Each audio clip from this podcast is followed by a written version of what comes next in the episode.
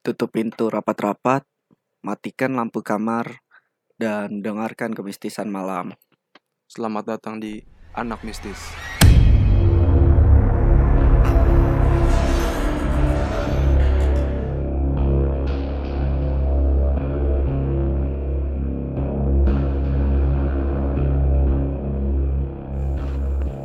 Kali ini dengan gua Haikal, gue ingin menceritakan kisah Gunung Laut yang menimpa Wahyu dan keempat temannya.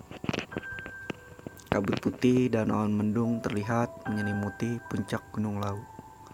Namun, hal tersebut tidak mengurungkan niat Wahyu dan keempat temannya untuk mendaki gunung tersebut. Apalagi kedatangan mereka bertepatan dengan momen malam satu suro. Pada malam satu suro, kawasan Gunung Laut memang dipadati para pendaki maupun penziarah yang hendak melaksanakan berbagai ritual sesuai dengan kepercayaan mereka masing-masing. Wahyu mengaku bahwa pendakian kali ini terasa begitu spesial karena ia dan salah satu temannya yaitu Eka mendapatkan undangan khusus dari sang penguasa Gunung Laut lahir dalam keturunan garis Resih Mayangkara atau dikenal sebagai sebutan Hanoman. Wahyu memang dianugerahi sebuah kemampuan khusus. Ia juga bergabung dalam Pakuyuban Kesepuan Jawi Ngesti Huduyono. Tidak hanya itu, Eka yang menjadi satu-satunya pendaki wanita ternyata masih memiliki garis keturunan 13 dari keluarga Raja Jayabaya.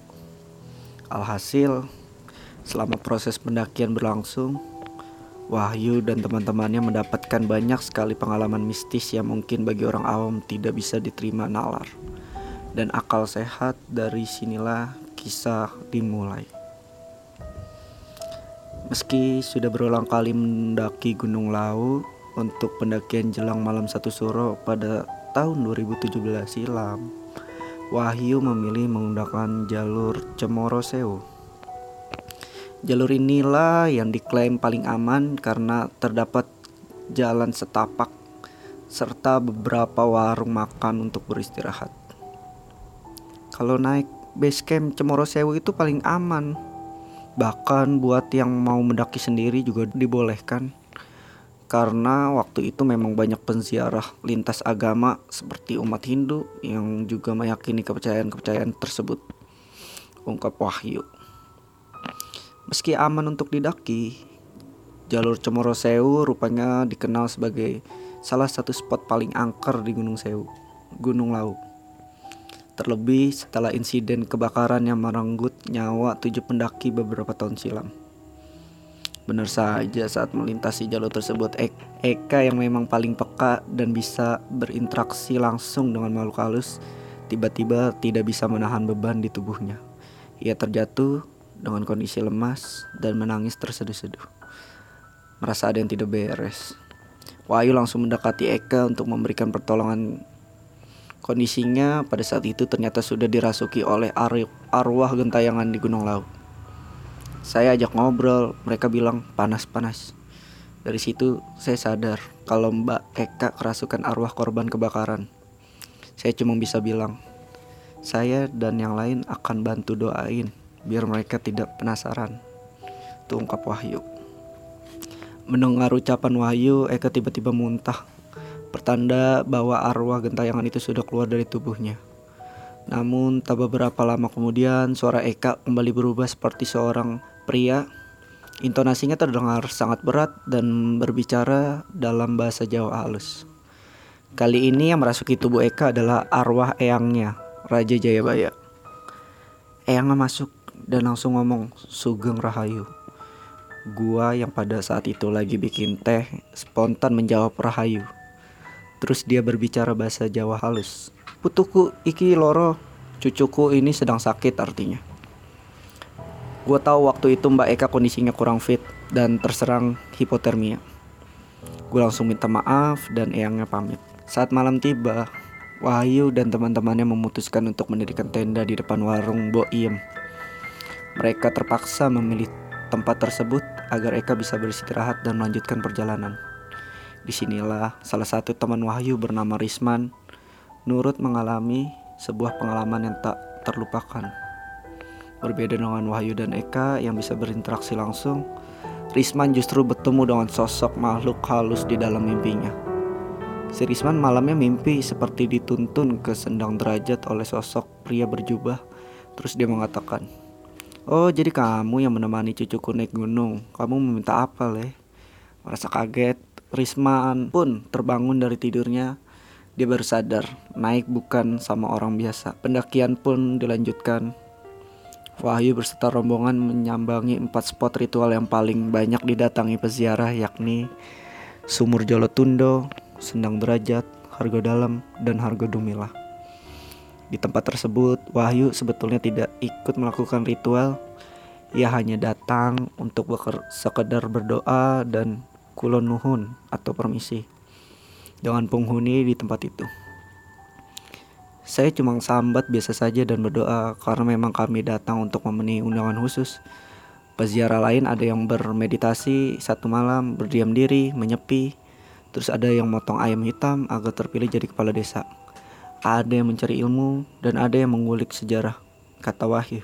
Setelah sampai di puncak dan mengunjungi empat spot ritual, Wahyu dan rombongan memutuskan untuk langsung menuruni gunung. Anehnya setelah ritual malam satu soro selesai, cuaca di sekitaran Gunung Lau mendadak cerah tak berkabut. Kami langsung turun lewat jalur Cemoro Kandang. Nah, di pos 4 teman saya ada yang mau kencing. Ya udah, saya suruh permisi dulu. Terus teman saya yang namanya Abai kayak kebablasan jalannya nggak sadar ada temen yang lagi berhenti. Saya teriakin lah dia. Tiba-tiba ada suara ngebas banget kayak suara singa. Ternyata itu singa lau beber wahyu. Lebih lanjut ia menjelaskan bahwa bentuk singa lau menyerupai singa barong khas Bali. Pada saat itu Wahyu mengaku badannya seketika langsung lemas dan ambruk. Kebetulan ia memang membawa carry 85 liter bisa dibilang perjalanan menuruni Gunung Lau jauh lebih menegangkan dibandingkan saat mendaki ke puncak. Pasalnya, semua rombongan turut menyaksikan secara langsung pemandangan-pemandangan tak kasat mata. Ser seperti yang dialami Risman, pria asal Solo ini baru berani buka mulut setelah melewati pos 4. Saat itu, dialah yang mengambil alih barang bawaan Wahyu kata Risman. Pas lagi bawa barang-barang bawaan saya, dia kayak lagi dikawal oleh pasukan kerajaan Eyang Brawijaya. Lalu ada sosok pria yang menggunakan mahkota berbentuk kuncup di atas kepalanya. Akhirnya dia percaya dengan hal-hal itu. Di pos 2, Wahyu dan teman-temannya kembali mengalami kejadian mistis. Saat mereka melewati kawah Chandra di muka, salah satu temannya ternyata diikuti oleh 11 jin. Perjalanan terpaksa dihentikan karena tidak bisa bergerak sama sekali. Untungnya, di tengah perjalanan Wahyu bertemu dengan rombongan pendaki lain. Salah satunya kebetulan mempelajari ilmu tenaga dalam dan bisa menyembuhkan temannya. Kejadian-kejadian mistis ternyata masih berlangsung. Puncaknya saat Wahyu dan rombongan hendak menuju pos 1 Kala itu, Eka yang memiliki riwayat low back pain tiba-tiba jatuh terduduk.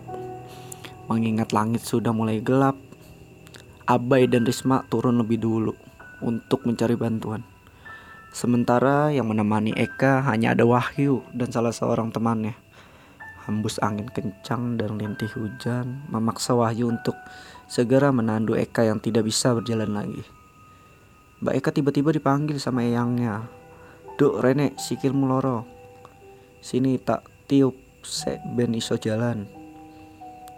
Yang artinya, "Nak, kakimu sakit. Sini aku tiup biar bisa jalan lagi." Setelah kejadian itu, Mbak Eka ngantuk dan pingsan. Saya tetap melanjutkan perjalanan dalam kondisi hujan.